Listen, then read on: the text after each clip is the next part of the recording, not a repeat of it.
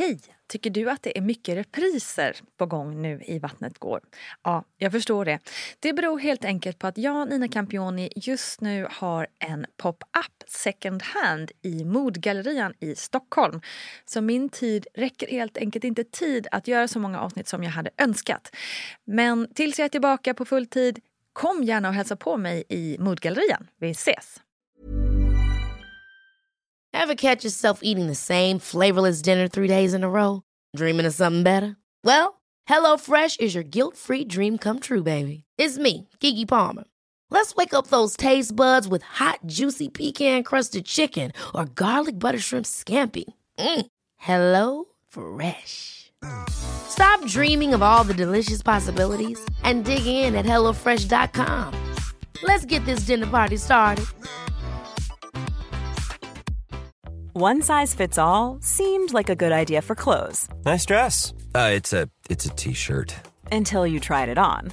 Same goes for your healthcare. That's why United Healthcare offers a variety of flexible, budget-friendly coverage for medical, vision, dental, and more. So whether you're between jobs, coming off a parent's plan, or even missed open enrollment, you can find the plan that fits you best. Find out more about United Healthcare coverage at uh1.com. That's uh1.com.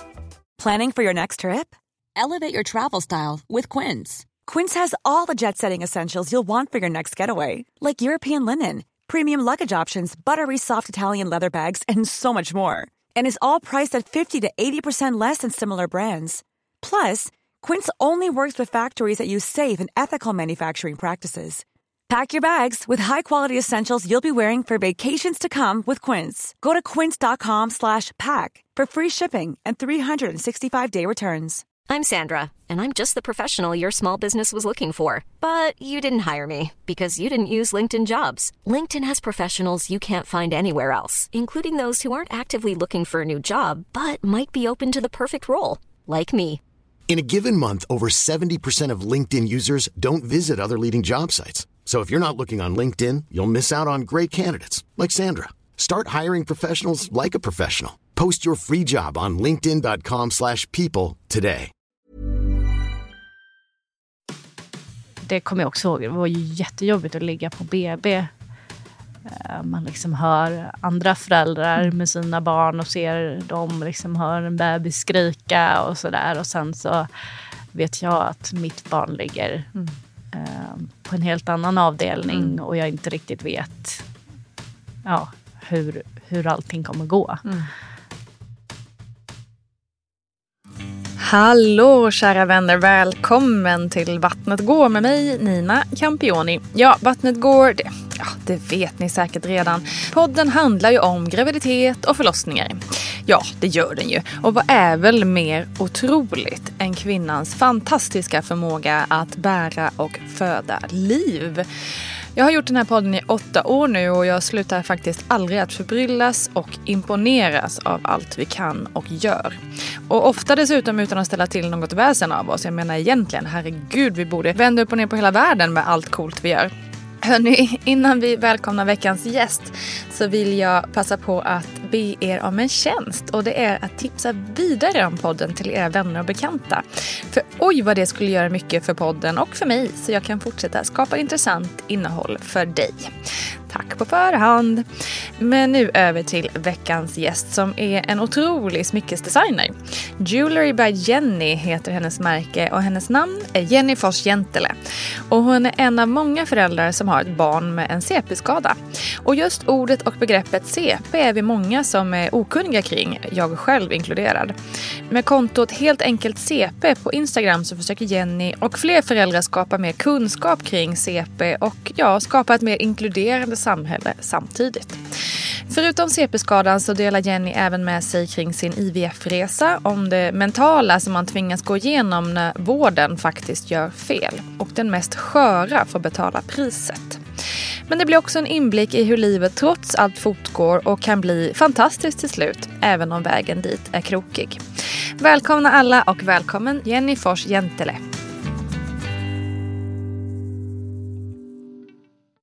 Du, hur gick dina tankar innan? Alltså innan du ens liksom var så nära att, att det var så att du skulle bli gravid och så. Liksom, man backar bandet långt. Hur, hur såg du på att, så här, att bli mamma? Liksom? Um, jag har nog alltid känt att jag har velat liksom, ha barn. Um, och en, men, en egen familj och sådär. Um, ehm, och uh, det har väl varit någonting jag har liksom sett fram emot uh, ja, sen ganska tidig ålder. Liksom. Och eh, sen så när, när jag träffade min ja, nuvarande sambo då, eh, så var egentligen det första, första gången vi träffades så pratade vi om att vi båda ville ha barn. Oh, wow. Rakt på. vi var väldigt rakt på. Jag tror att vi båda var nog ganska så färdiga med att uh, leva singelliv mm. och kände liksom att uh, det var lika gärna bra att dra av det plåstret och liksom, ja men jag vill ha barn, vill du ha barn? Mm. Um, och kände väl båda att ja, men, vi vill ju träffa någon som vill, hade samma liksom, framtidsdrömmar som, som vi själva hade. Klokt. Hur gammal var du då? Uh, jag var 26 sex när vi träffades, tror jag. Mm. Ja, det måste jag ha varit. Ändå hyfsat tidigt om man ska se det från så här, liksom, att man, eh, alltså inte att man är redo, det är ju så otroligt olika ja. naturligtvis. Men liksom ändå att man så här, ja men jag är riktigt redo. Ja. Alltså liksom jag vet vad jag vill. Ja. Som 26-åring det är ju inte alltid Nej. man är så tydlig med Nej. exakt vad livet innebär eller vad man ska säga. Nej men och det var väl nog alltså, som sagt att jag, jag hade liksom, jag mm. hade, visste liksom att det var någonting jag ändå ville med mitt liv. Mm. Att jag, jag ville liksom ha en familj. Um, så att uh, det, var, det kom liksom ganska naturligt. Så.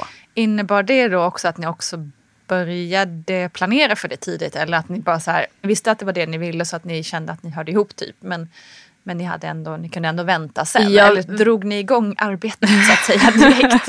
Nej, vi väntade väl lite grann. Vi ville väl veta. Jag menar, det räcker ju inte med att man liksom tycker om varandra. Man måste väl känna lite också att man är på en trygg plats och sådär mm. med varandra. Så att, uh, vi väntade ett tag um, innan vi sa att liksom, nej men nu, uh, nu ska vi försöka oss på det här. um. Du berättade ju innan vi satte igång här att det inte var så att ni försökte en gång och så tog det så att Nej, säga. vi, vi försökte liksom eh, naturligt då, liksom, eller som vanligt, eh, under ett års tid. Mm. Och eh, med alla möjliga eh, tips och tricks och allting. Eh, men det funkade ju inte. Eh, och till slut så sa vi väl till varandra att men nu, vi måste, vi måste ju kolla, alltså, mm. är, vad är det här? Är det någonting som är fel? Eller, eh, så då, då sökte vi ju eh, hjälp um, och kollade upp liksom, om det var någonting som... Och vad var ert första steg där då? Men... Då kontaktade vi vården. Ja. Um, och fick göra olika tester och sådär. Ehm, och eh, de kom väl fram till ganska snabbt där då att eh, ehm, min sambo hade för, för få spermier mm. som fungerade. Mm. så de sa väl i princip till honom att ja, det är ungefär lika stor chans att vinna på Triss som Oj. att ni ska bli gravida. Liksom naturlig väg. Mm. Um, så då började en hel uh, process med uh, IVF och så. Just det, får jag bara fråga där, nu är inte han här och kan berätta själv, men um, just den här problematiken, det, i samhället i stort så riktas det oftast till kvinnan. Liksom. Mm. Att, eller att det hamnar på kvinnans axlar på något vis för att det är vår kropp och ja, det är så society works. Lite sådär. Det är väldigt sällan vi pratar om mäns eh, problematik kring liksom, det här med spermier som är fullt, liksom, det är inga konstigheter. Det är, det är så det är för vissa. Ja. Eh, men det är väldigt sällan den, vi får höra den historien kan jag mm. känna. Eh, finns det något du kan säga där om hur han upplevde den, den nyheten så att säga? Liksom? Han tyckte väl att det var jobbigt. Mm. Eh, det tyckte han. Eh, och det tror jag nog, där är det nog liksom, man lägger ju ansvaret väldigt mycket på sig själv. Då, ja, liksom att det, men det är mitt fel att mm. det här inte funkar. Mm. Um, och det är klart att det är ju liksom rent psykiskt så är det är det jobbigt. Och det, um, han var väl från början ganska så att han ville liksom inte han ville inte prata så mycket om det utan det var, det var som det var. Liksom. Men sen så eh, efter ett tag så började han väl liksom bearbeta det själv och inse att det var ju inte någonting han, han själv liksom kunde påverka. Utan Nej, det var ju bara, gjort fel, Nej, liksom, det var ju bara så Mm. det var. Liksom. Ehm, så att ehm, det... Och, alltså nu är ju ändå... Jag tycker ändå att det har gått framåt med att man har ändå pratat. Det har varit liksom eh, serier på tv eh, och, och så som har tagit upp det här ämnet. Och det hade väl inte riktigt börjat eh, när vi började vår IVF-resa. Eh, då var det väldigt få man hörde om som faktiskt eh, gick ut och sa att ja, men, så här är det, vi kan inte få barn eh, utan hjälp. Um, så att vi var väl ganska öppna faktiskt. Och, uh, med liksom både bekanta och på sociala medier och så. Och uh, ja, men berätta som det var. Att ja, men, det, vi, vi kan, klarar inte det här själva så vi, vi måste ta hjälp av, av vården. Liksom. Um, och det är så här i efterhand så känner jag att det var väldigt eh, skönt beslut. För att det gjorde också att man kunde man behövde inte känna att det var något man behövde liksom dölja så. Nej, exakt.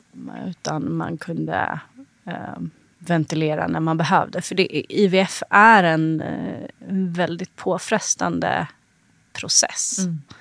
Eh, för alla inblandade. Eh, även om det kanske är kvinnan som behöver ta en massa hormoner och sådär. Men rent emotionellt så är det ju väldigt påfrestande. Ja. För alla Berätta, inblandade. hur, eh, hur var det för er? Eh, alltså vi, vi höll på med IVF i två års tid, tror jag det var. Ehm, vi eh, gjorde väl tre såna här ägguttag. ehm, och eh, liksom insättning på insättning. Och det, det funkade inte. Och det är ju det är en väldig berg dalbana känslomässigt. Eh, man går liksom mellan eh, hopp och känner så här, men nu den här gången funkar det. Eh, till att man liksom faller ner i eh, förtvivlan där att det inte gick den här gången heller. Ehm, och det är ju Så tungt, ja. det är en jättetung resa. Ehm, och något som...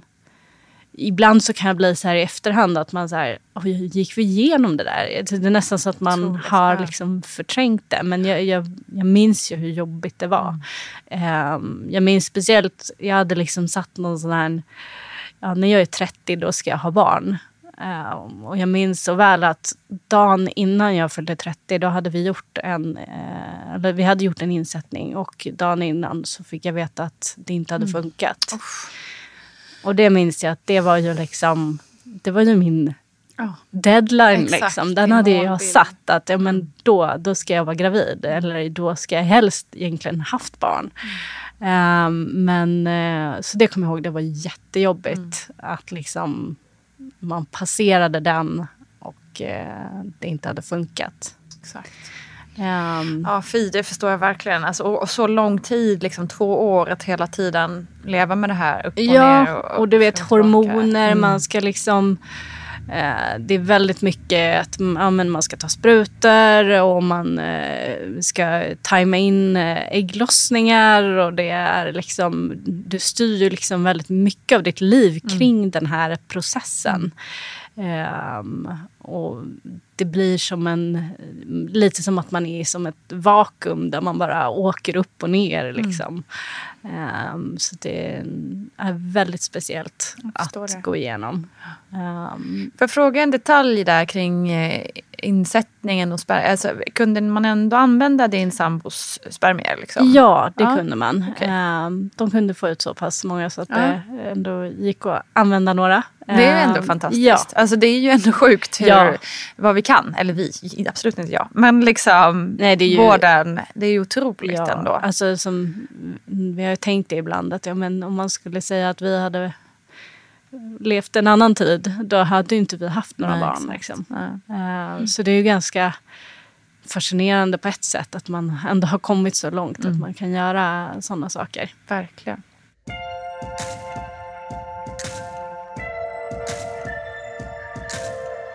Men eh, vi, vi gjorde i alla fall sex insättningar. Okej. Ehm, och på sjätte insättningen då funkade det. Eh, 60 ändå, alltså. Vad tänkte du då innan den liksom, skett? Just det där, för jag gissar precis som du säger, man måste ha hoppet liksom. Men att ändå ha hoppet efter så många ändå och det inte har gått. Ja, men till slut så blir det ju att man så här, man vågar ju inte hoppas. Nej. Det blir liksom att man eh, stänger av på något vis och bara tänker att okej, nu gör vi det här. Ehm, det kommer väl inte funka den här gången heller. Ehm, någonstans är väl det för att man måste skydda sig själv för att eh, man orkar ju inte åka upp och ner sådär eh, hur många gånger som helst. Ehm, så att ehm, den där sista gången då tror jag, jag som jag minns det så, så hade jag liksom, det var bara så här, ja ja, vi, vi gör väl det här då. Ehm, En sak att göra liksom. Ja. Ingen, ingen direkt nej, det, förväntan på nej och ingen förväntan och inte så mycket eh, känslor kring det heller. Utan då hade man stängt av Mm. ganska mycket. Ehm, och man blev väldigt förvånad när det liksom... Det var ju så att man trodde att det var ett skämt. Ja. eh, när, man, när det visade sig att det var, stod att man var gravid när man tog testet sen. Liksom. Ehm, Hur var känslan när det liksom sipprade in att det faktiskt var sant? Alltså det tog ganska lång tid. Ehm, vi fick ju göra ett sånt här tidigt ultraljud i vecka åtta. Ehm, och eh, det var väl innan det så var det ju, då trodde man ju inte alls på det. Ehm, och sen så, även om man då hade liksom sett att ja, men det var ju någonting där i, i magen så eh, kunde man ju ändå inte riktigt eh, liksom känna att man eh, vågade tro på det. För det var väl också att man inte ville liksom ehm, ja, men, få upp sina förhoppningar för mycket. För att man hade ju lärt sig av alla de här gångerna att får man upp förhoppningarna för mycket så blir fallet ner ganska långt. Ehm, Såklart. Så, att, eh, så vanligt med missfall. Ja, liksom. men exakt. Och det var ju någonting man försökte liksom, ja, men intala sig själv lite. Att ja, men, ja, men du vet ju hur vanligt det är och det, vad som helst kan ju hända. Liksom. Ehm, men tiden gick och det, jag mådde bra och allting såg bra ut. Så då började man väl liksom försiktigt eh, ändå börja eh, tänka framåt och eh, hoppas att ja, men det, det kanske går vägen det här. Ehm, men, men det tog lång tid. Det gjorde det. förstår det. Förstår verkligen det. Det är ju både liksom, alltså, extremt förståeligt men också samtidigt ehm, så orättvist någonstans. Man vill ju att du liksom bara skulle få så här, ah, du vet, känna, alltså, få Ja, känna bara där- lycklig över Ja, det. Ja, exakt, precis. precis. Och bara få den där otroliga liksom, triumfen. Ja, Liksom. ja, Att du har kämpat så länge och så ja. gick det till slut. Ja, liksom. det, Kan du det- känna så själv? Att det är liksom orättvist? Eller, eller har du kommit över den? nej, jag kan nog känna att eh, jag så här efterhand så är jag mest glad att tekniken fanns. Mm. Att Mm. det funkar. Mm. Liksom. Mm. Ehm, men det är väl som sagt, det är ingenting jag skulle önska någon att behöva gå igenom. Nej. För det, det är jobbigt. Ehm, men, eh, men man ska också veta att det finns hopp. Att det, Verkligen. Det kan gå, liksom. Ehm, och det är som sagt, idag, idag tycker jag i alla fall att eh, för de som gör IVF idag så finns det i alla fall mer liksom, eh, historier de kan höra och liksom att, Ja, absolut. eh, läsa om och så. Verkligen. Och för den som är mer intresserad av att höra mer om hur just IVF funkar och lite mer gå in lite mer kliniskt på det hela så pratar vi väldigt mycket om det i avsnitt 27 med Erika Strand Berglund. Eh, till exempel. Men nu fortsätter vi Mm. på din historia. Ja. När du väl liksom hade insett då liksom mentalt också att jag faktiskt är eh, gravid och det verkar som att det här går vägen. Vad, hur mådde du då liksom, i kroppen och mentalt? Och... Eh, jag mådde jättebra när jag var gravid.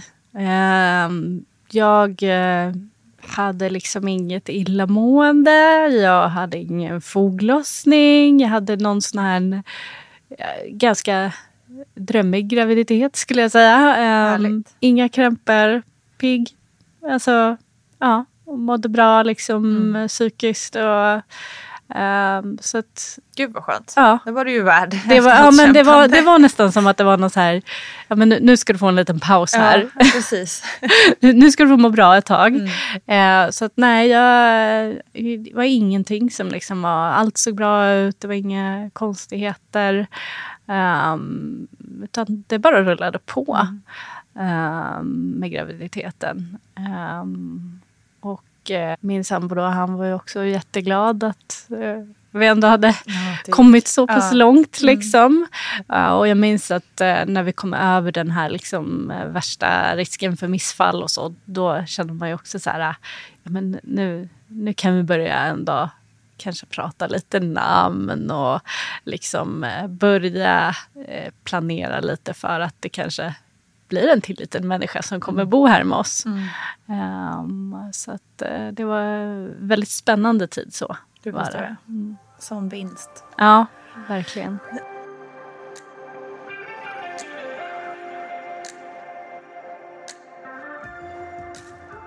Hur, började du liksom, hur såg du på förlossningen? Hur gick dina tankar kring det och hur förberedde du dig för det där? Jag var väl ganska lugn inför det skulle jag säga. Mm. Um, jag oroade väl mig för de här vanliga grejerna, att man skulle spricka och sådana där grejer. Och eh, eh, vi gick väl någon sån här, på någon så informationsmöte på förlossningen mm. och sådär.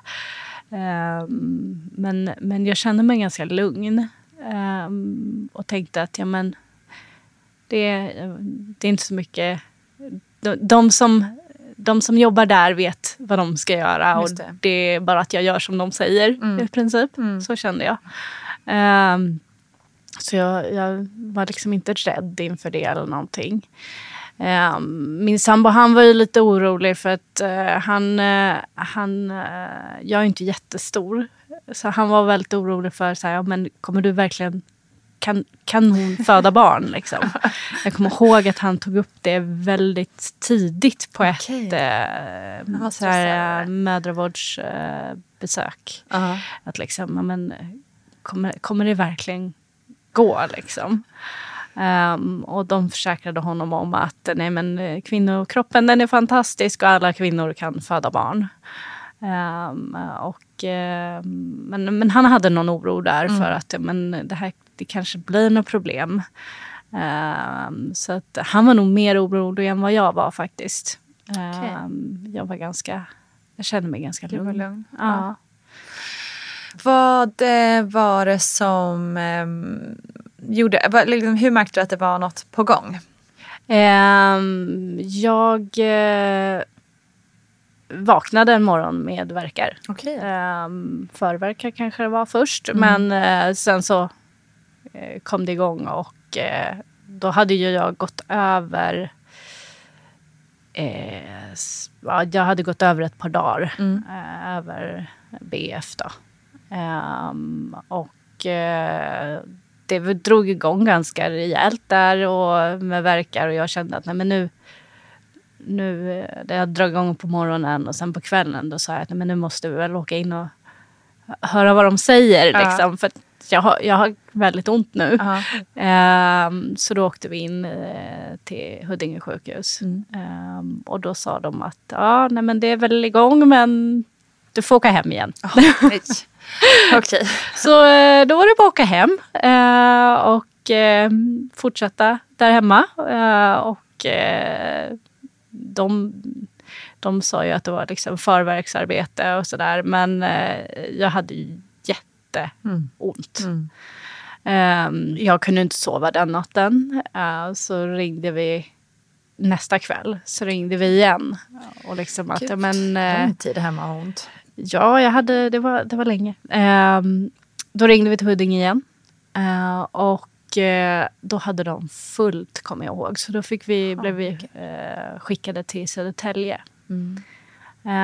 Um, och uh, där så sa de väl att ja, nej men du, jag hade ju liksom eh, verkar med jämna mellanrum mm. och sådär men det liksom hade ju inte hänt så mycket. jag var väl öppen två centimeter liksom, men Mm. det, det hände inte så mycket mer än så. Ehm, och så gjorde de någon, något sånt här, eh, någon övervakning och kollade eh, med CTG och så. Ehm, och då blev de lite så här, för när jag hade verkar så gick hjärtljuden ner. Okej. Eh, och sen gick de upp igen. Så de blev lite så här eh, fundersamma om, ja, men, om allt var som det var, men som det skulle. Eh, men eh, eftersom, eftersom när verken tog slut så gick hjärtljuden upp igen så sa de att ja, men det, det är okej. Liksom. Så att ja, vi eh, skickar hem dig med en sovdos. Ehm, och, eh, så då fick jag ju med mig så att jag skulle få något att sova på hemma. Eh, Jag tog de där tabletterna när vi hade kommit hem och jag kan säga att de funkade inte alls. Åh, herregud. Eh, Så då hade, det var ju alltså Alltså natt tre då? natt två blir Natt det två. där. Ja. Eh, Ja, just det, det blir det. Ja, Mm, mm. natt två.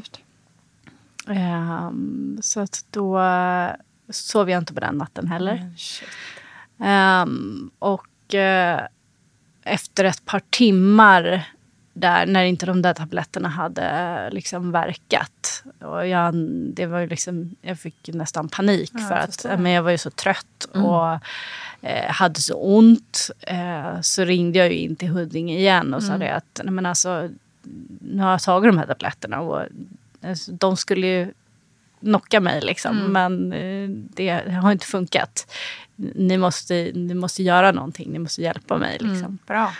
Ehm, så då fick vi en tid på specialistmödravården nästa dag. ehm, för att jag skulle komma in dit och de skulle kolla läget. Liksom.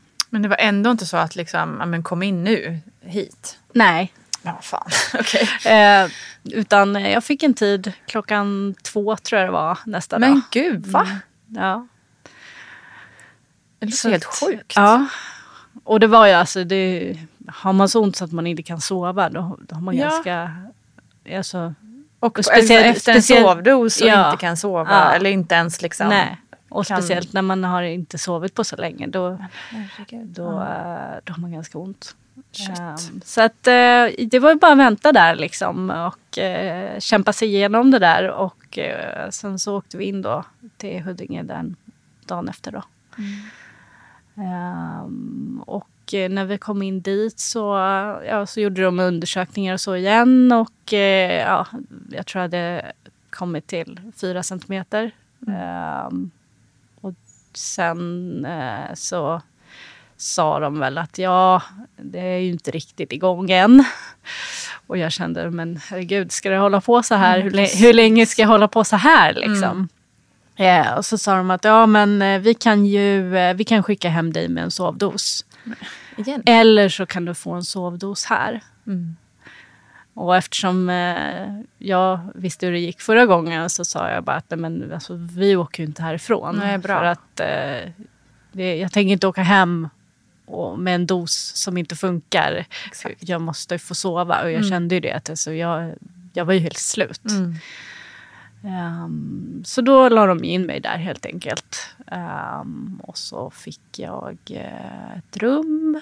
Ehm, och så fick jag morfin tror jag det var. För att jag skulle sova. Mm. Men eh, Somnar du då? nej. Nej. För att eh, cirka en 20 minuter senare, då gick vattnet. Jesus. Ehm, så att då hade jag alltså precis fått morfin. Ehm, hade inte sovit på flera dygn. Gud. Och ehm, så var det ju så att eh, det här fostervattnet var ju jättemycket sånt här eh, mekonium eh, i. Mm. Och det hade vi ju hört sen innan att ja, men det är ju liksom inte bra. Mm. Ehm, för att så här, det, då är barnet stressat och då, då eh, kan det vara saker som inte är som det ska. Och, ja, men lite sådana saker hade man ju hört.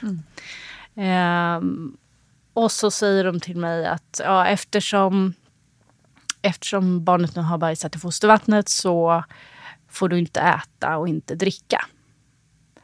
Och det var ju också en sån här sak som jag kom, kom ihåg så himla tydligt från när vi var på det här mötet på, eh, på förlossningen. Att eh, det är jätteviktigt mm. att man äter och dricker så att man har energi. Och vi har smoothies och vi har liksom, det var ju väldigt sådär, det är, ni måste hålla upp energin. Um, och då får jag höra att nej, men du får inte äta eller dricka för att uh, om det skulle bli ett kejsarsnitt. Och ha i bakhuvudet att man inte har sovit på så Exakt. länge och sen precis fått morfin. Alltså det, mm. det var ju också en så här, men jag kände bara så här, men hur, hur ska hur ska jag orka? Fixa det? Och min sambo sa ju också det. Att han bara, men alltså hur, hon har inte sovit, hon har inte liksom ätit på flera dygn. Alltså hur, hur ska det här, mm. hur ska det gå liksom? Mm. Och äh, de var så här, ja men, nej, men det är kvinnokroppen, den, den klarar det där. Och det var inget snack om att liksom att, att, vi kör kejsarsnitt direkt nej. på grund av de här, alla nej. de här orsakerna? Nej. Liksom. Utan eh, de, eh, de tyckte bara att vi skulle fortsätta. Liksom. Mm. Um, och eftersom, eftersom jag inte hade, att det inte hade hänt så mycket så fick jag ju eh, eh, verkstimulerande för att de ville snabba på det, liksom, mm. att, att det skulle hända någonting. Mm. Eh, och sen fick jag ju lite lustgas och sådär eh, först. Då. Du är helt uppumpad på massa olika ja, preparat. Ja, och den där sovdosen som man fick, den, den kändes ju kanske inte så läglig helt plötsligt. Nej, exakt. Um, så att, uh, ja, det var väldigt speciellt. Mm. Uh, men vi, vi var ändå så här uh, peppade liksom. Att ja, men nu, nu kanske det nu kanske börjar närma något. sig liksom. Ja, um, och den där lustgasen gav mig ändå lite så här en liten paus mm. på något vis kände jag. Eh, så att man ändå kunde så här, känna sig lite pirrig och liksom känna att ja, men, snart, snart är hon här. Just eh, så. Eh, men eh, vi låg kvar där. Ehm, och ja, det fortsatte väl ungefär samma takt. Det mm. hände inte så mycket. Eh, förutom att jag hade ont. Mm. Ehm, och eh, sen så under den här perioden också så var det ju eh, vissa tillfällen där hjärtljuden också var lite upp och ner liksom, eh, på barnet. Um, jag minns att det var något tillfälle där de ja, kom in rusande att jag skulle vända på mig och mm. eh, ja, sätta mig i något annat läge och sådär för, att, eh, för att det hade gått ner för mycket. Liksom. Mm. Eh, men det var ändå inte någonting som de sa. Vi blev ju jätteoroliga varje Såklart. gång de sa det här eftersom vi hade ju lite i bakhuvudet att vi hade ju hört det här redan på Södertälje sjukhus. Då. Just det, exakt. Um, det här med att hjärtljuden var mm. inte mm. som de skulle. Um, men det, de sa att vi inte skulle oroa oss och uh, utan vi skulle fortsätta. Um, och uh, sen så till slut så sa jag att nej men nu har jag så ont så nu, nu vill jag ha epidural. Mm. Um, och då fick jag ju det. Mm. Och det var ju en, ja.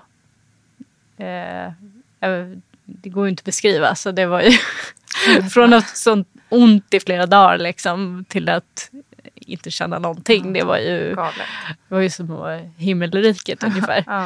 Eh, men sen så som sagt, så, det var ju som att det nästan stannade av. Liksom. Mm. Um, och ja, jag låg kvar där på fyra centimeter. Det, jag hade ju hållit på flera timmar och flera dygn. Liksom. Mm. Um, och eh, då började de väl liksom fundera lite över de här hjärtljuden och liksom, ja men det händer ingenting. Och sen hela kombinationen då med att eh, hon hade bajsat i vattnet. Mm. Och det var väl flera grejer som de kände så att ja, men nu kanske vi måste börja kika här nu. Vad, vad är det som, som händer? Mm. Vad ska vi göra liksom? Mm. Och jag var ju som sagt, jag var ju helt slut. Förstår man ju verkligen. Um, och var väl ganska Alltså, även om jag inte hade ont på samma sätt längre så var jag ändå liksom ganska förtvivlad över att ja, men nu måste ju hända något. Man börjar ju känna en oro själv. Att ja. liksom, men det här kan ju inte hålla på hur länge som helst. Um, så de, till slut så satte de ju någon sån här uh, elektrod eh, på huvudet på. Just det. barnet. Ja, de hade inte haft det innan ändå, så Nej. då var det bara CTG. De Ja. Mm. Så de satte någon sån elektrod för att liksom ha lite bättre övervakning. Och eh, då började de väl också se att ja, men nu, nu börjar barnet bli stressat här. Ehm, så då gjorde de ju ett sånt här laktattest. Ehm, och det första såg ju inte så bra ut. Eh, och sen så gjorde de ett till som, inte, som såg lite bättre ut. Men de var ändå, det var ändå så pass att de sa att nej men nu, nu får vi köra ett akut snitt.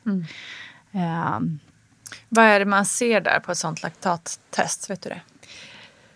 Eh, det är väl eh, hur basiskt det är i blodet tror jag. Okej. Mm. Det är någonting i alla fall med syresättning Just och det. sånt. Mm. Det är väl en indikation på hur barnet mår i magen. Eh, helt enkelt. Ja. Men det var ju så här, det var ju när de tog beslutet att ja, men det blir ett akut snitt. Så det var ju ingen så här panikkänsla eh, liksom. Utan det var väldigt så där att lugnt. De tog bort all övervakning. Och så liksom, ja men det här, vi ska göra ett snitt inom 30 minuter. Och liksom, ja. Lugn och ro så kördes vi upp där till eh, liksom, operationssal. Hur kändes det för dig, liksom, det beslutet togs?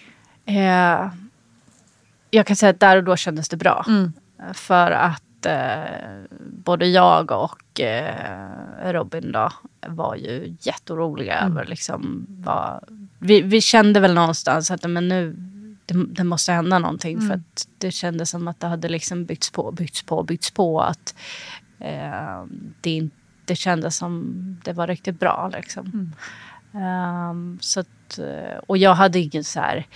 Det var ingen sorg liksom, att jag inte skulle få liksom, föda en vaginalt Nej. eller liksom så. Utan eh, jag ville bara att vårt barn skulle komma ut så säkert som möjligt. Ehm, och precis som innan så hade jag ju känt att ja, men de som jobbar där, de vet vad de gör. Liksom. Ehm, och jag litade bara på deras beslut helt enkelt. Men så vi kom upp där till eh, operationssalen och mm, fick... Eh, jag skulle få bedövning. ehm, och första bedövningen tog inte.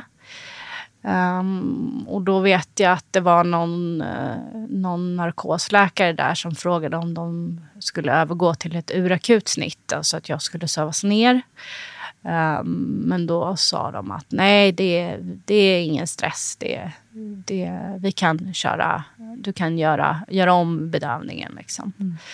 Ehm, så det var en väldigt liksom, lugn stämning. Det var inte någon...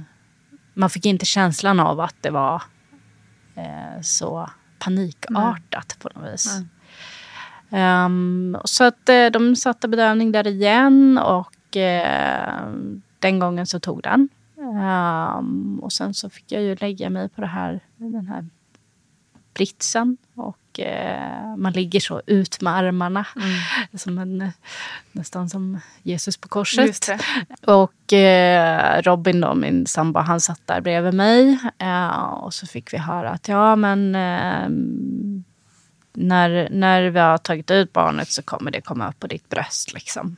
Precis som, som vanligt. Ehm, och eh, så vi, det var väl så här, ja men det var väl inte mer än, vi kunde inte göra mer än att bara eh, vänta där då. Ehm, och de satte igång med operationen. Det är en väldigt speciell känsla att uh, göra ett kejsarsnitt. Det de drar och rycker i. Det, det känns ju väldigt konstigt. Man känner ju ingenting. Men man känner ju att de är där och ändå. grejar. Ja. Och det, de drar och rycker. Och man, det, är, ja, det är ganska eh, våldsamt skulle jag säga. Ehm, och så har man ju aldrig varit med om det innan. Nej, exakt. Eller jag- och inte hunnit jag. förbereda sig på det Nej, heller. Liksom. precis.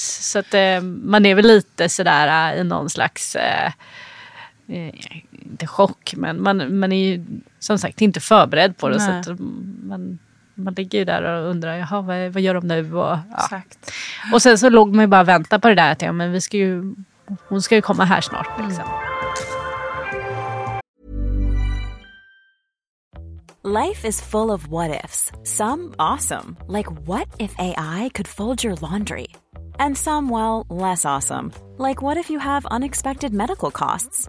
United Healthcare can help get you covered with Health Protector Guard fixed indemnity insurance plans. They supplement your primary plan to help you manage out of pocket costs. No deductibles, no enrollment periods, and especially no more what ifs. Visit uh1.com to find the Health Protector Guard plan for you.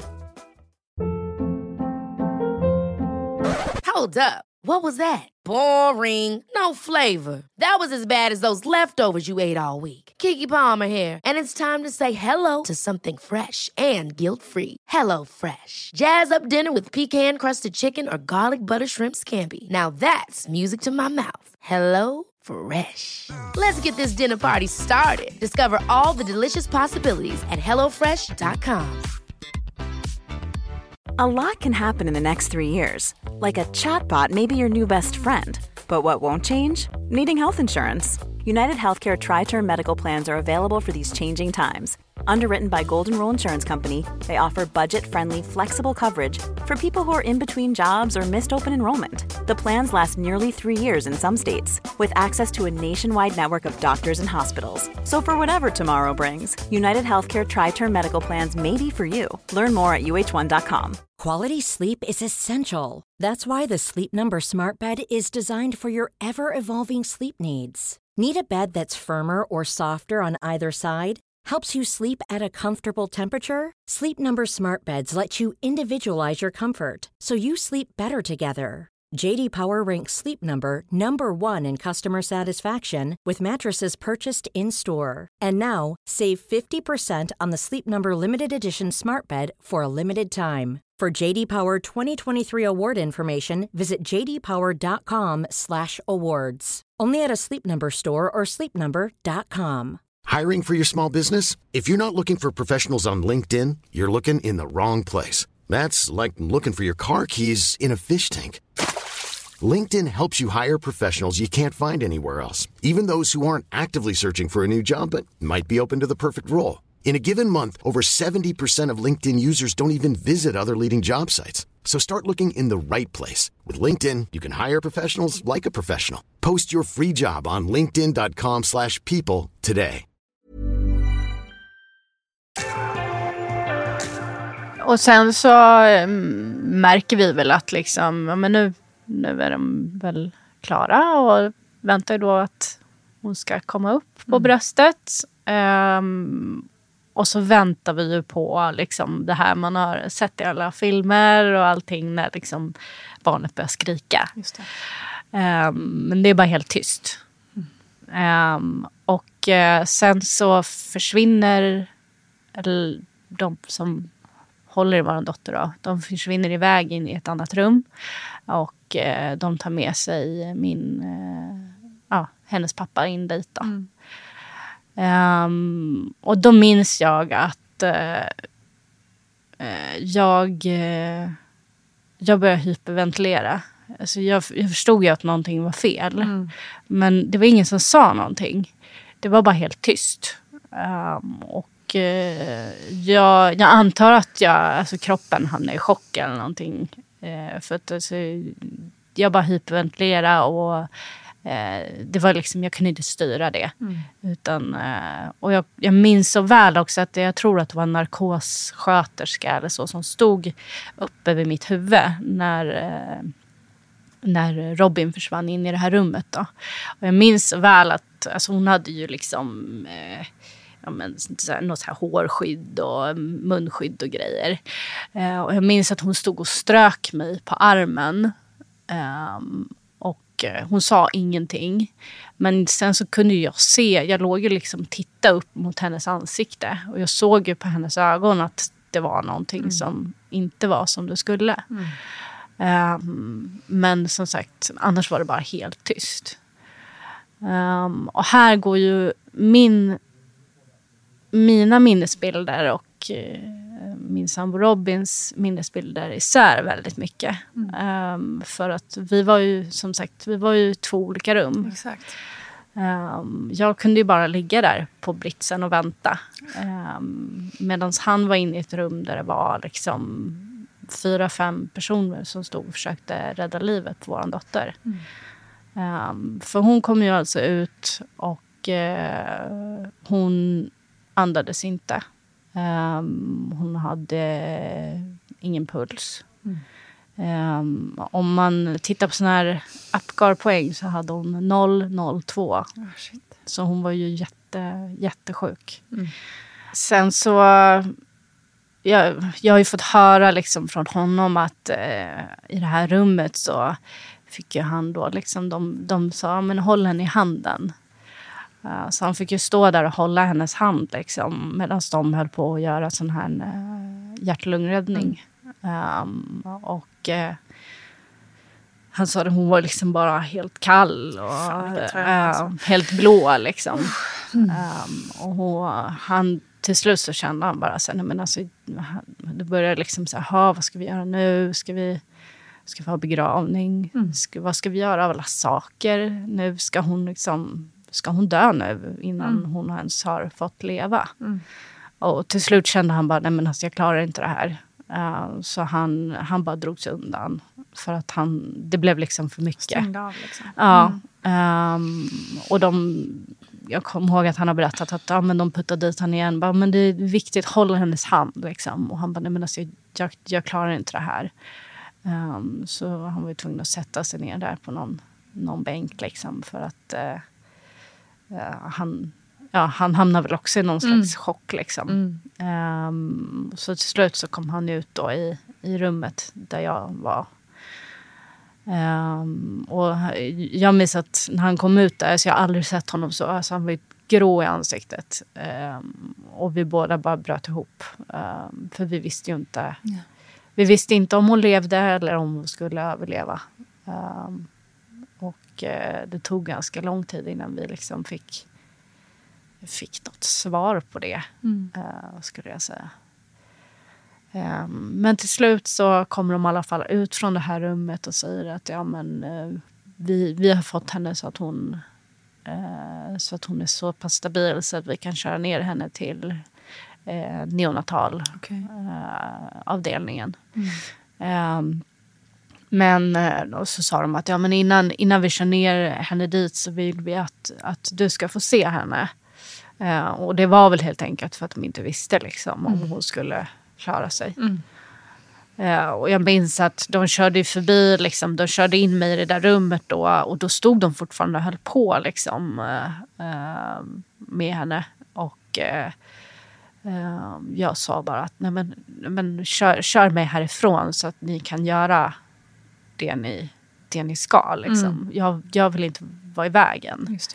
Uh, utan strunta i mig i mm. princip. Mm. Det, jag är inte viktig. Exakt. Uh, mm, ta hand om henne. Um, så då kördes vi ner sen till uh, uppvaket. Eller ja, där man ligger där uh, själva ja, min, min bedövning och det skulle ju släppa. Mm. Uh, jag låg fortfarande och hyperventilerade. Alltså det, det var helt... Jag har aldrig varit med om något liknande. Kropp, det var som att kroppen bara... Uh, den styrde sig själv mm. helt. Uh, Robin, han, han började kräkas. Um, och jag förstod väl någonstans att men, han är ju också i chock. Mm. Um, och det var, det var också, det här var mitt på natten. Hon är född eh, halv ett. Um, och det var väldigt lugnt på den här avdelningen. Det var inte så mycket personal där. Um, det här var ju också mitt i industrisemestern så att det kanske hade sin mm. sak i det hela också. Um, men uh, jag minns att de gav ju mig typ någon sån här mer eller någon festis eller vad det var för att liksom, det var viktigt att jag skulle få i mig någonting. Och jag försökte liksom få dem att se att men alltså, ni, må, ni måste ge ni måste ge honom någonting för han, han mår liksom inte bra. Ni måste titta till han att uh, han, han är ju i chock. Liksom. Men det var mm. ingen som det var ingen som ens liksom tittade på honom att men, behöver du någonting? Utan det var ju bara fokus på mig. Mm. För att jag var ju patienten. Mm, men i, i, i, mina ögon så borde han kanske också eh, setts som mm. en patient. Speciellt när man har varit med om någonting. Ja, exakt. I ett sånt här så. läge så är det ju eh, hela familjen. Ja, liksom. men det var, det, var, det var ingen som liksom ens reagerade på honom. Um, sen så vet jag inte riktigt hur många timmar vi var där. Men det var väl kanske mot morgonkvisten där någon gång som de sa att ja, men nu, ska, nu, nu ska vi köra ner er till... Eh, Har ni inte fått någon information på hela natten? Nej, det var väldigt lite information. Eh, så vi visste inte speciellt mycket. Liksom, hur, vilken jävla terror. ja, hur hon mådde eller någonting. Utan det var, liksom, det var som att man var i, i någon slags eh, limbo. Liksom. Ehm, och, eh, men till slut i alla fall, mot morgonen där, så sa de att ja, men nu, nu ska ni få komma ner och träffa er dotter. Um, och eh, då minns jag att jag, jag kunde ju fortfarande inte gå och så. Jag hade ju fortfarande bedövning kvar, men de tyckte ändå att jag var så pass bra skick att de kunde köra ner mig dit. Och då minns jag att, uh, att Robin försökte uh, han försökte börja gå liksom bredvid sängen jag låg på. Han var i så dåligt skick så han, han klarade inte av att gå. Han fick sätta sig på, på sängen liksom för att eh, och sitta och åka på den som en Som ett barn. som ett barn. Precis, för att han var så eh, helt, eh, ja, helt eh, förstörd. Liksom. Men då fick vi komma ner dit och då låg ju hon... De hade satt igång med en eh, kylbehandling på henne då. Ehm, och det är någonting man gör när eh, barn har fått syrebrist. Ehm, och det var ju det hon hade fått. Ehm, och eh, då kyler man ner barnet till eh, jag tror att det är 35 grader eller om det är 34 grader under två eller tre dygn. Ja, två eller tre dygn var det. Ehm, och det gör man ju för liksom, att hjärnan ska få vila ehm, och få chansen att eh, återhämta sig, Mm. helt enkelt. Ehm, så hon låg ju där med liksom slangar och sladdar och allting överallt. Och då var hon ju redan liksom ners, ja, i princip nersövd. Då. Mm.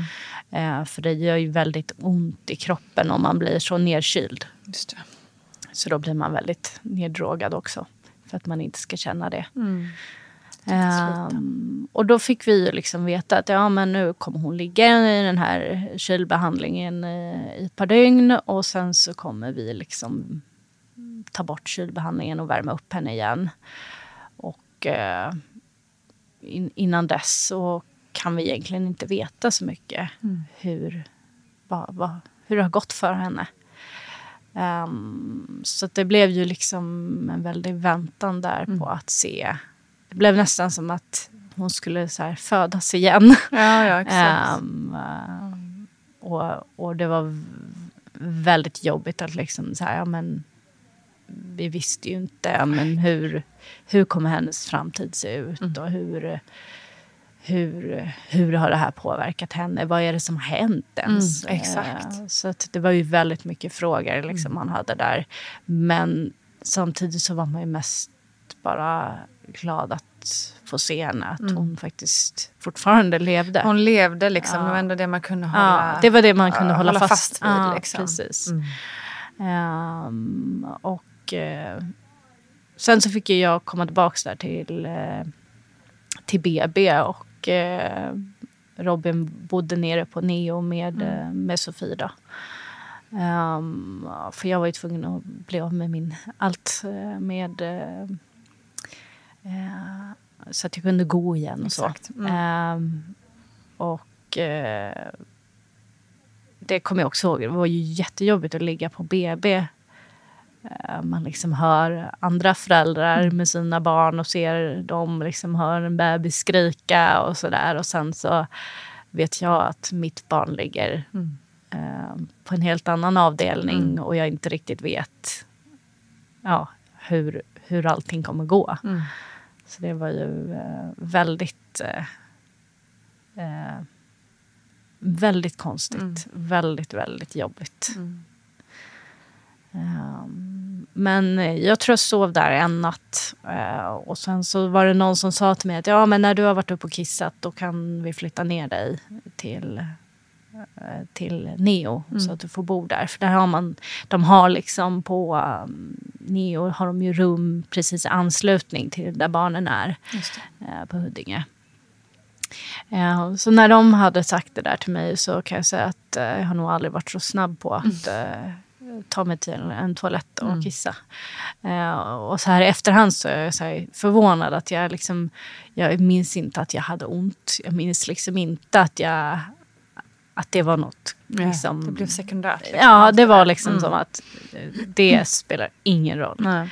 Det är bara, jag, jag, jag ska dit liksom. Eh, och det var som att kroppen bara skrek att men, du kan ju inte vara kvar här. Det Nej, går ju inte. exakt, exakt. Den där Eh, Du, du, är på fel, instinkten. ja, du är på fel plats. Du, du ska ju vara med ditt barn. Liksom. Det var, eh, någonstans var det som att också något som kroppen bara styrde att nej, men det, det finns inget annat. Eh, så det gick väldigt snabbt. Ehm, så då till slut så fick jag ju komma ner dit. Då. Ehm, Ehm, men då var det ju mest väntan. helt enkelt.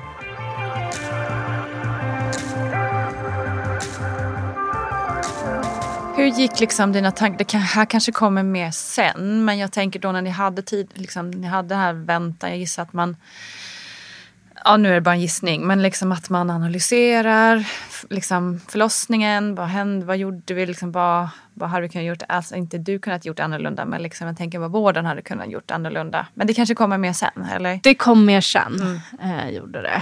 Ehm, där och då så var det, det är väldigt... Eh, det är en väldig dimma liksom Ja, de där dagarna. klart.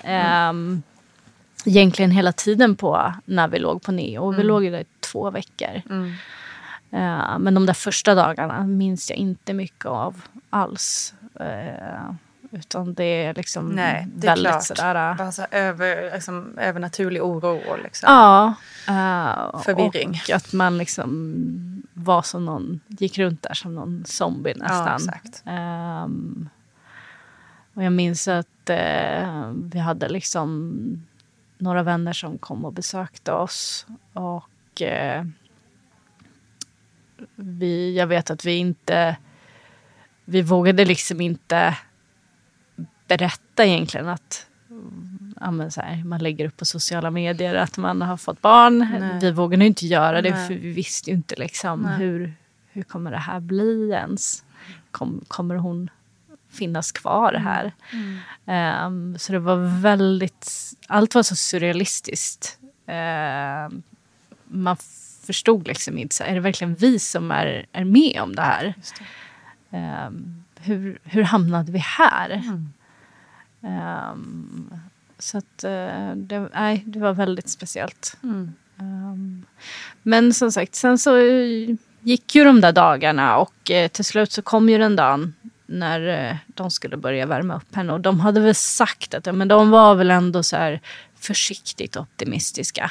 Sen vad det innebar, det hade inte vi någon aning Nej, om. exakt. Var det att hon skulle överleva eller var det att, eh, att hon skulle inte ha några men alls från Mm. det här? Eller, det visste Vad innebär det? Ja, vad liksom? innebär det Mm. liksom?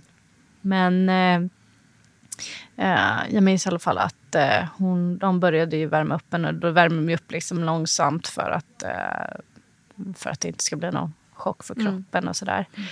Ehm, och eh, sen så sa de att ja, men nu, nu ska, du, ska ni få hålla henne liksom, för första gången. Vi hade inte kunnat hålla i henne utan hon hade ju legat där ehm, på den här eh, bädden. Ehm, och eh, det var ju också väldigt speciellt. Att säga, ja, men nu ska vi, nu efter tre dagar så ska vi få, få hålla i henne. Ehm, och då hade hon också, de hade börjat liksom dämpa ner lite på alla mediciner och all, alla droger de gav henne för att hon inte skulle ha ont eftersom de hade börjat värma upp henne igen. Så då hade hon börjat vara lite liksom, ja men öppna ögonen och eh, var, var, man såg ändå att nu, nu var det någon där liksom. Innan så var det ju bara som en, ett, ett skal som låg där.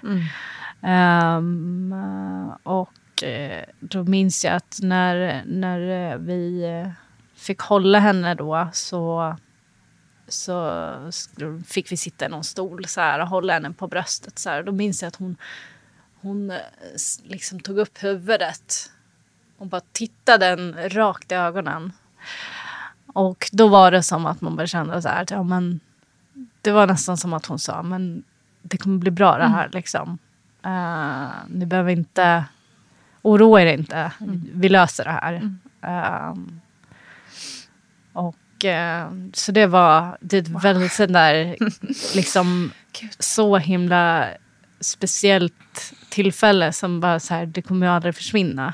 Ehm, Otroligt. men eh, hon, nej, där, och därifrån så visade hon bara att hon, eh, hon ville leva liksom. Han skulle fighta. Ja, hon skulle fightas. Ehm, och ehm, sen så hade de ju gjort sån här... eh, ja, de gjorde ju någon liksom scanning av hjärnan och sådär. Och eh, de hade väl inte sett några jättegrejer. De var väl ganska förvånade över hur bra allting såg ut egentligen.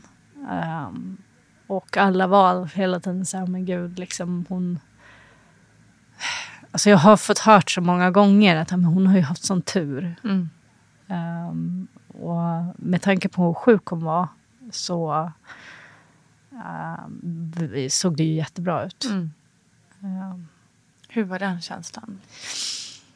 det var ju också lite så här att man vågade liksom inte riktigt tro på det. Nej. Ehm, och, men sakta men säkert så... Alltså vi låg som sagt kvar där på, på Neo och eh, med liksom övervakning och så. Och, och hon hade ju sondmatning och sånt där. Ehm, ehm, men sakta, sakta som säkert så började de ju liksom ja, fasa ut mediciner och börja prata liksom om att eh, ja, men, när man skulle åka hem och sådär. De ville att man skulle få igång amning och lite sådana där grejer. Ehm, Sådana där vanliga grejer. ja, Liksom. Mm. ehm, eh, men det var ju fortfarande liksom övervakning av, eh, av eh, puls och syresättning. Och det var ju väldigt mycket så här maskiner som pep överallt. Och, eh, men till slut så blev vi i alla fall flyttade liksom från intensivvårdsavdelningen till det som var lite mindre övervakat. Då. Ehm, och eh, sen fick vi till slut åka hem. Vad sjukt. Ja.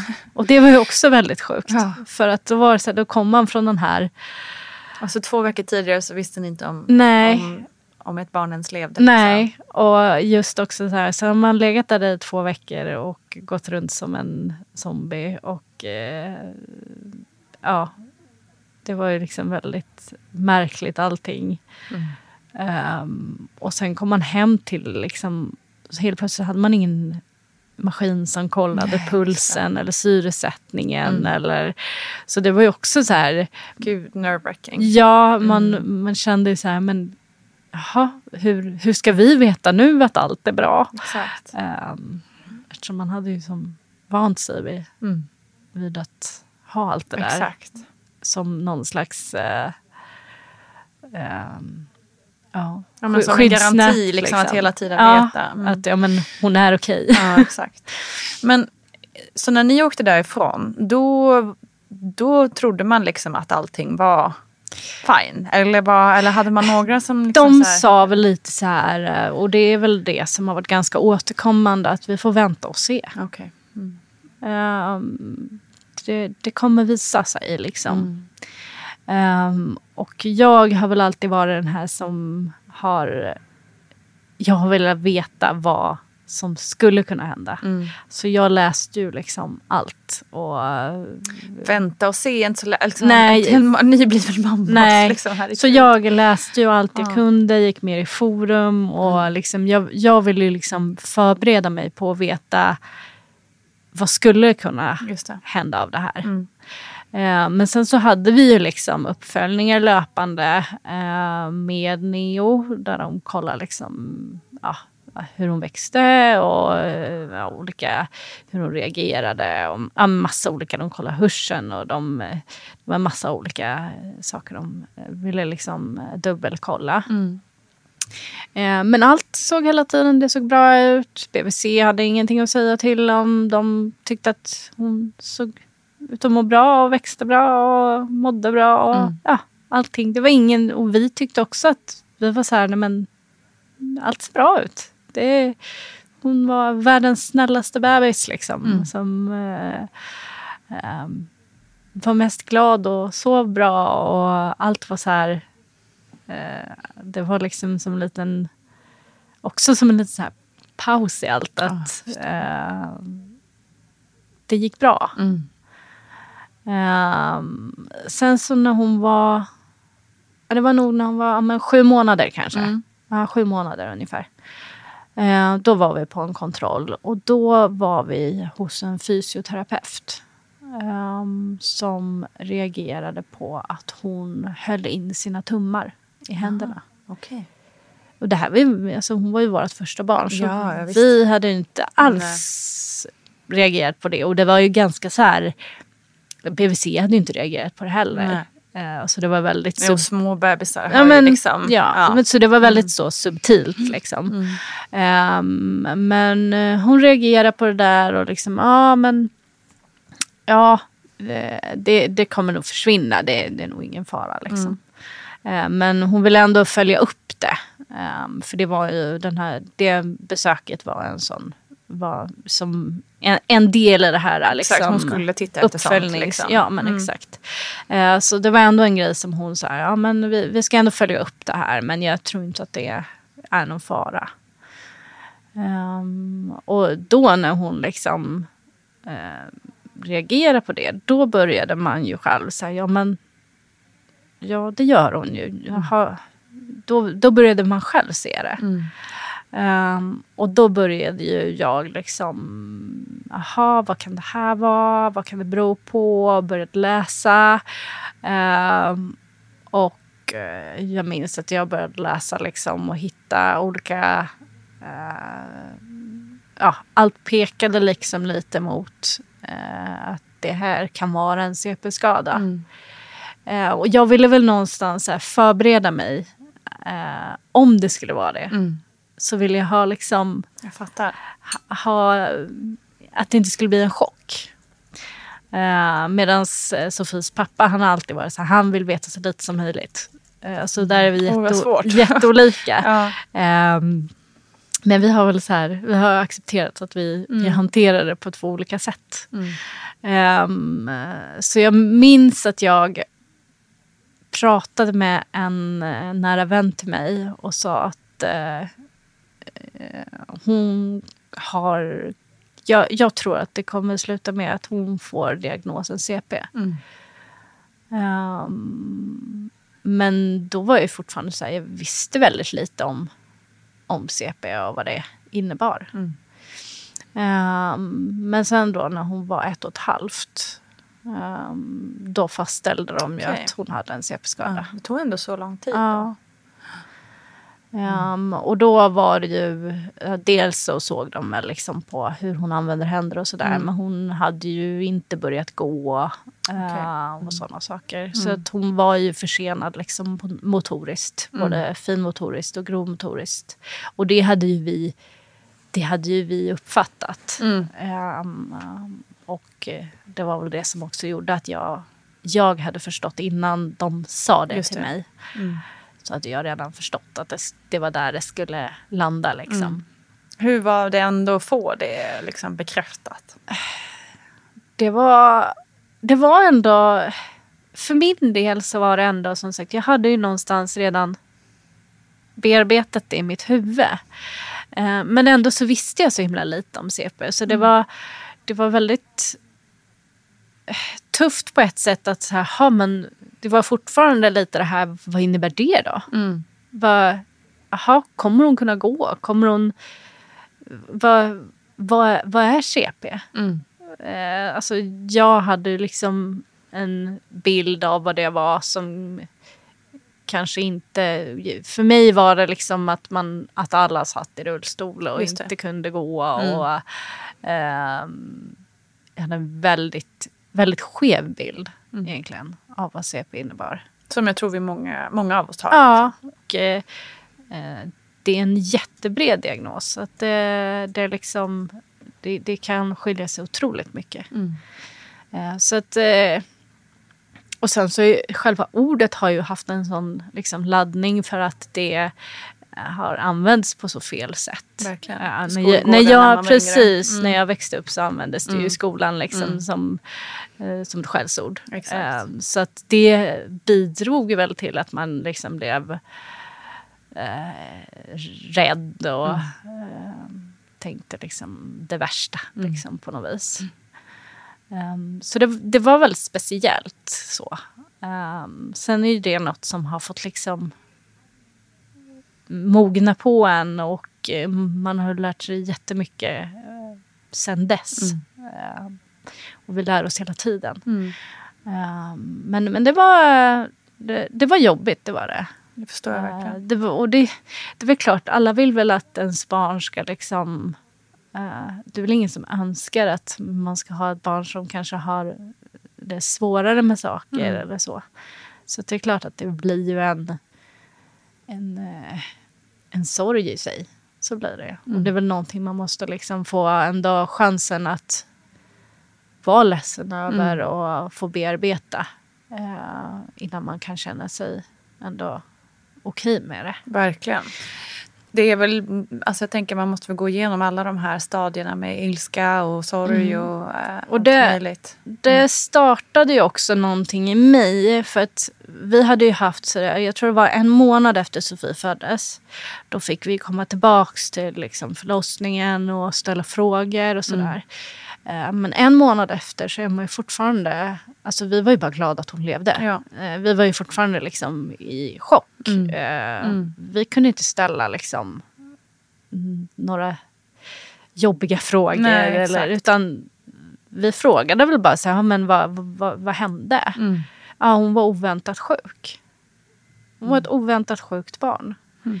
Men där när hon fick sin diagnos, eh, när hon var ett och ett halvt, då kände jag bara att nej, jag måste för hennes skull så måste jag våga ställa de här jobbiga frågorna. Mm. Jag måste ha frågat allting. Vad, vad var det som hände? Exakt. Ehm, och eh, så då var det via någon sån här grupp jag var med i som jag fick höra talas om uh, LÖF som är landstingets eh, försäkringsbolag. Mm. Ehm, och jag fick, det var någon som hade berättat att de hade fått liksom en, eh, en eh, att de hade gjort en liksom utredning Mm. om deras eh, förlossning. ehm, för att se om det var något som hade gått fel till eller så.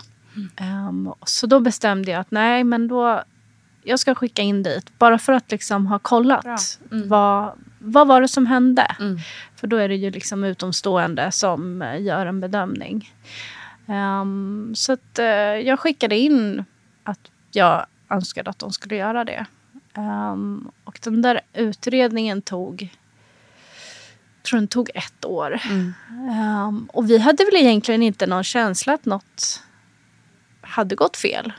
Utan jag ville bara kunna säga till Sofie när hon var vuxen att vi, vi frågade. Exakt. Och de hade inte kunnat gjort något annorlunda. Ehm, men tyvärr så visade det sig att eh, det inte var så. Mm. Ehm, utan det visade sig att det var saker som hade gått fel. Mm. Ehm, och att hennes skada som hon har idag, det är ju en vårdskada. Huh, det är uh, ja, tungt alltså. Mm. Och det är på tal om det här med ilska Mm. och äh, att äh, sorg och sådär. Så Mm. det är en sån sak som jag absolut har känt jättemycket ilska över. Eh, både jag och hennes pappa självklart. Eh, och man har frågat sig, ja, men hur hade det sett ut liksom, Exakt. om inte det här hade Mm. eh, gjorts fel? Mm. Ehm, Hur ska man förlåta det liksom? Ja, det är en fråga jag ställer Om man nu mig. måste det, men kanske för sin egen skull i så jag, fall. jag tror man måste acceptera det. Mm. Ehm, och det väl något jag har kommit fram till. att Jag, jag har accepterat att det är så här det blev. Mm. Ehm, och någonstans insett att jag kan ju inte gå och vara arg hela livet. Nej det är ju det, det är mer för din egen skull. Ja, Liksom. och för Sofies skull. Mm. Vi kan ju inte gå och vara arga. Alltså, hon är en, en fantastisk tjej. Ehm, och det är klart att jag önskar att hon inte hade fått en vårdskada. Mm. Men jag kan ju inte gå och vara arg hela livet. För det kommer ju påverka henne. Mm. Eh, så någonstans har jag väl kommit fram till att eh, eh, jag får vara arg. Ibland. Mm. Men inte hela tiden. Nej. För då, då blir det liksom... Då kommer det påverka oss för mycket. Men Mm. man måste låta det få sippra upp ibland. Mm. Eh, för att annars så... eh, och det kommer jag säga till henne också när hon är större. Att Mm. Det är klart att du får vara arg för att eh, dina ben är bråkiga och exakt. sådär. Mm. Ehm, men du får inte vara här hela tiden. Nej.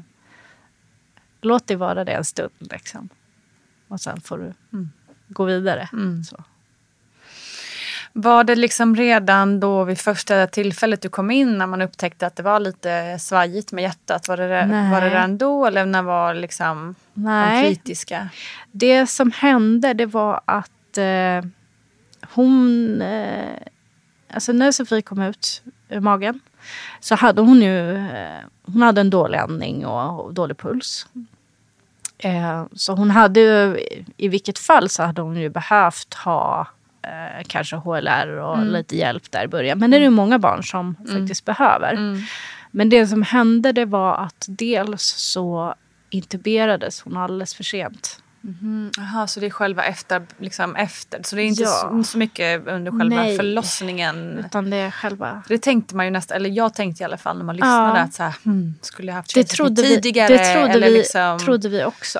Och hjälpt dig mycket mer Ja. för att det var ju så långdraget. Ja. Och, Och det var, ju, okej. det var ju det vi hade trott. Ja. Eh, Men det var som sagt, hon intuberades alldeles för sent. Ehm, och sen så intuberades hon fel så att den här tuben låg ner i eh, magsäcken Mhm. istället för ner i, i eh, lungan. Oj då. Okej. Så hon Ha. fick inte den, Den hjälp hon den hjälp hon hade behövt för att komma igång. Mm. Ehm, och det blev ju då att hon fick liksom en utdragen syrebrist det. på grund av det. Ehm, och då var det egentligen så att det var en... Det kom in en, eh, en neoläkare som var på jour som kom in akut för de hade ringt in honom. Ehm, och han kom in efter en timme. Och då upptäckte han den här tuben som låg fel. Okej. Så eh, hon hade ju, hon hade ju alltså fått, alltså har du en sån här eh, tub ner i magen så det sipprar ju lite luft, kommer ju rätt. Men inte tillräckligt Nej. mycket. Ehm, Så att eh, det var det som liksom var... Alltså en sak som jag tänker på som just eftersom jag var så säker på att det var under förlossningen liksom att nu kanske jag målar på någonting på dig som du inte alls har tänkt på eller känt men jag tänkte just liksom att, så här, att det är så lätt också som förälder att man ändå tar på sig något slags ansvar. Så här typ, "Ja, men jag kanske borde ha sagt till tidigare eller jag kanske borde ha sagt ifrån mycket snabbare att jag behövde, alltså typ allt det där. Alltså har det funnits någon slags lättnad i att du hade ju inte kunnat göra någonting annorlunda? Jo, Förstår men det, det skulle jag nog kunna säga. Ja. Ehm, att, eh, som sagt, det var väl det, det enda som, som sagt var eh, positivt, Ja. eller vad man säger, med det beskedet. Det var väl att alltså, vi hade inte kunnat gjort något Nej, annorlunda. Precis. Jag, Ehm. jag känner bara den, oh, jag börjar gråta. Så Ja. jävla, fy fan vilken, liksom, så mycket ångest att leva med det hela sitt liv också. Ja. Att om man kände, hela tiden gick och jagade den tanken, tänk om jag hade Ja. eller tänk om Och det var väl också en, en av anledningarna till att jag liksom ändå började rota i det här. Att jag, jag ville liksom... Jag, Mm. Jag vill ha svar Mm. och jag vill veta att, liksom att jag ville inte känna när Sofie var större att hon ställer en fråga och jag säger nej men det, det vet jag inte för vi frågade aldrig. Mm. Eh, utan jag, jag, för mig var det jätteviktigt Mm. att, att vi hade liksom kunde säga att ja, men vi, vi har frågat. Vi, de vet inte. Eller eh, så här var det. Mm. Ehm, I den mån det gick liksom. Men så himla bra att ni gjorde den här Mm. anmälan och det vill jag också uppmana alla som, allt från förlossningsskador till, eh, men till sådana här större, Ja. alltså, man får anmäla. Man får Ja. göra det långt e- efteråt också. Det måste inte Lö, vara LÖF liksom... får man ju anmäla i tio år. Det som Exakt. Jag, är, jag har ju också rotat i hur det liksom gick till. Hur de kikade själva på sin del i det här. Mm. Och har fått reda på att de gjorde ju inte ens någon analys på vad som hade hänt. Mm. Själva vården. Mm-hmm. Men, eh, och det, det var ju för sent för att få det i efterhand. Ja. Ehm, och det kan vi känna så här i efterhand att vi skulle ha varit mer på att eh, gjort liksom Mm. anmälning till IVO och sådana saker. Men som men sagt, det vi, vi var inte där då. Nej exakt Ehm, och ni är bara glada över att barn ja. har överlevt och liksom Precis. kanske levde i hoppen som att Mm. det inte skulle bli Ja, så mycket nej, vi- värre. Eller liksom. Vi var absolut inte redo Nej. att, eh, att eh, ens peta i det då. Um, så att eh, den, typ, den delen av upprättelsen, den, den har jag liksom insett att den, den kommer vi ju aldrig, kommer vi aldrig få. Men där tycker jag väl att, ja men precis som här nu, att ändå dela vår historia, det är väl också ett sätt i, i liksom ehm, Verkligen. upprättelse. Verkligen. Att, eh, att, eh, att det pratas om. Att, Mm. att, och förhoppningsvis så gör det att det inte händer igen. Exakt. Det är så viktigt.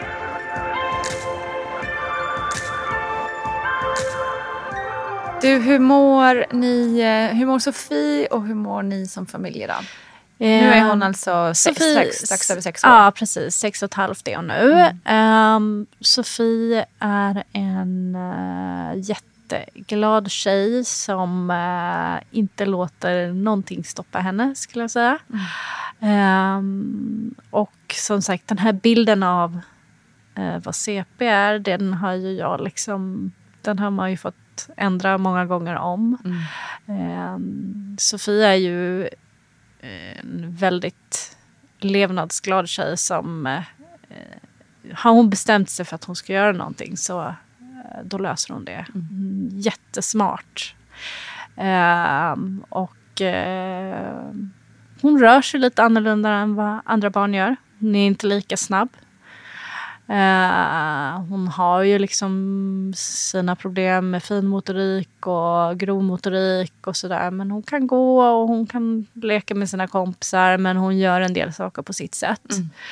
Ehm, sen har hon eh, idag epilepsi också. Som Ah. också är en eh, del i den här hjärnskadan som hon fick. Då.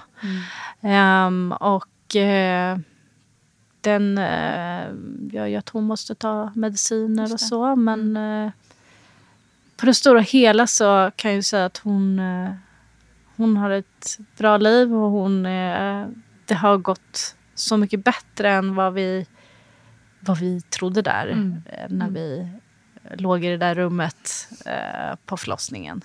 Ehm, så att ehm, det, om man, om man tittar på pappret och jag, många gånger så har jag fått liksom så här, men när man träffar eh, dem inom vården att men de kanske har läst i journalen och sen så kommer vi dit med Sofie och de blir liksom förvånade över att det är samma barn. Ehm, för att på pappret så, så borde det sett annorlunda ut idag. Så hon har ju haft... Jag gillar inte att säga att hon har haft tur. För att det blir ju lite, lite fel. För att hon har ju inte haft tur. Verkligen inte. Ehm, och det är någonting som jag ibland har fått hört i, i vården och sådär. Ja, men det. hon har haft sån tur. Och jag blir så här... Hon har ju inte haft tur. Nej, exakt. Hon hade ju otur som Ja. råkade ut för det här. Precis. Ehm, men däremot så är hon en jäkla kämpe som Hon har varit stark. har varit Och stark. har varit starka. Precis. Ehm, så att, eh, men hon som sagt, hon, hon är... Ja, hon mår bra idag. Mm. Otroligt. Trots allt. Ehm, sen är det klart att man hade liksom... Det är klart att hon har så här... Mot, Mm. Det är motigare liksom. Ehm, och som förälder så önskar man ju inte kanske att ens barn ska Nej. behöva ha de grejerna. Men, eh, men eh, jag är inte orolig för att hon inte ska klara av dem om vi säger så. Starkt gäng. Du, eh, har ni någonstans touchat på eh, liksom, prata om syskon och så? Eller känns det Hon bara- har en lillebror. Nej, men hon har det! Gud! Ja. Vad la jag? Det visste inte jag. Inte, ens, har inte frågat det innan. Jo. Det är ju otroligt. Ja. ehm, det... Eller Eh, otroligt. Det är helt normalt också. Ja, men, eh, det- men jag tänker också med tanke på IVF och hela. Ja. Så att jag tänkte också att man kanske inte orkade gå igenom Nej, och där var den det här, grejen. innan Sofie föddes, innan vi gick igenom hela den här eh, traumatiska eh, förlossningen och allting. Eh, då hade vi så här, ja men eh, vi vill att eh, vi vill ha syskon liksom, till vårt barn. Så att vi, eftersom vi har gjort IVF så då får vi sätta igång på en gång. Liksom. Det var typ vår plan. Eh, men den planen blev ju ganska raserad i och med allt som hände. Eh, vi kände väl att men gud, vi kan ju inte, vi kan inte ens tänka tanken på ett till barn innan vi vet Nej, hur framtiden ser ut. Nej. Och, ja, sådär.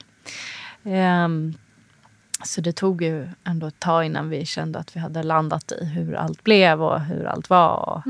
Och, och kände att ja, men Sofie var på en, en liksom bra plats och vi var på en bra plats och allting. Ehm, men sen så kände vi att nej, men vi, vi kände väl någonstans att det skulle vara ganska bra för Sofie med ett syskon också. Någon som kan finnas vid hennes sida där i framtiden någon gång. Ehm, så att eh, det blev en liten lillebror sen där. Så han är nu tre. Wow. Fan vad fint. Ja. Nu hinner vi inte gå igenom hela stackars lillebror. Får inte, får inte berätta hela hans historia. Men, Ja. men bara kort, blev det en lång IVF-resa där också? Eller? Nej, då blev det faktiskt, det gick mycket snabbare. Det gjorde det? Ja. Mm. Jag tror det var andra försöket. Okej. Ja. Vad fint. Vad glad jag blir eh, att, det, att det blev som det blev där. Ja. Du, ehm, innan vi avslutar, är det något du vill skicka med lyssnare som eh, kanske är gravida, är rädda för em, komplikationer eller att något ska hända för, liksom, som man inte är beredd på? Em, ja, generellt sett liksom. Jag ska väl säga så här, man ska väl inte gå och vara rädd. Eh, Jag tror det hade väl inte varit bättre för min del om jag hade gått och varit rädd för att saker hade kunnat gått, gått fel. För det, det är ju... Tyvärr så är det väl så med en graviditet att det är mycket man inte kan styra över. Eh, Men däremot så tror jag att jag hade mått bra av att ha haft lite mer liksom, ändå vet, eh, vetskap om att saker kan hända. Man kan inte styra allting. Ehm, och sen så att det behöver inte heller liksom innebära att, att livet bara kommer vara ett mörker sen. Även om det inte blir riktigt som man hade trott. Nej. Ehm, Jag vet jättemånga familjer som, som har barn som där det kanske inte blev som planerat men det har ändå blivit bra. Liksom. Ehm, så att eh, även om deras liv ser annorlunda ut så behöver det liksom inte vara eh, bara i negativ mening. Liksom. Nej men exakt. Ehm, Ni har ändå ni har en familj, ni eh, gör säkert liksom vi, korvmackor. Ja, eller liksom exakt, som alla andra. precis eller som alla vet, andra. liksom. Även om Ja. det, det är lite mer läkarbesök och lite mer så här. Men Mm. alltså, i det stora hela så blev det nog blev det bra ändå. Liksom. Ehm, så att, Mm. Exakt. och, och sen just när det gäller liksom eh, CP. Det är ju någonting som man som sagt har kanske en bild av. Och det är något jag tycker att många kanske borde läsa på lite om.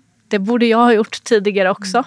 Eh, för jag levde verkligen i en eh, i okunskap. Eh, och det är så pass många som ändå lever med CP så att det är något jag tycker alla borde utbilda sig själva läsa lite på lite. Då kan Ja. man ju till exempel följa ert konto där, Ja. helt enkelt CP på Instagram. Precis. Så kan man få en liten inblick. Ja, Mm. exakt. Tusen tack för att du ville berätta din Mm. historia. Tack själv. Tusen tack Jenny Fors Jentele, så fint du berättar om er resa. Och jag vill också passa på att skicka ett extra tack till Jennys dotter Sofie. Vilken inspiratör alltså. Tack alla ni som lyssnat idag och glöm inte att kika in på Helt enkelt CP, Jewelry by Jenny och Vattnet går såklart också när ni ändå är inne på Insta och röjer runt. Ta hand om er alla, stor kram, vi hörs snart. Hej då!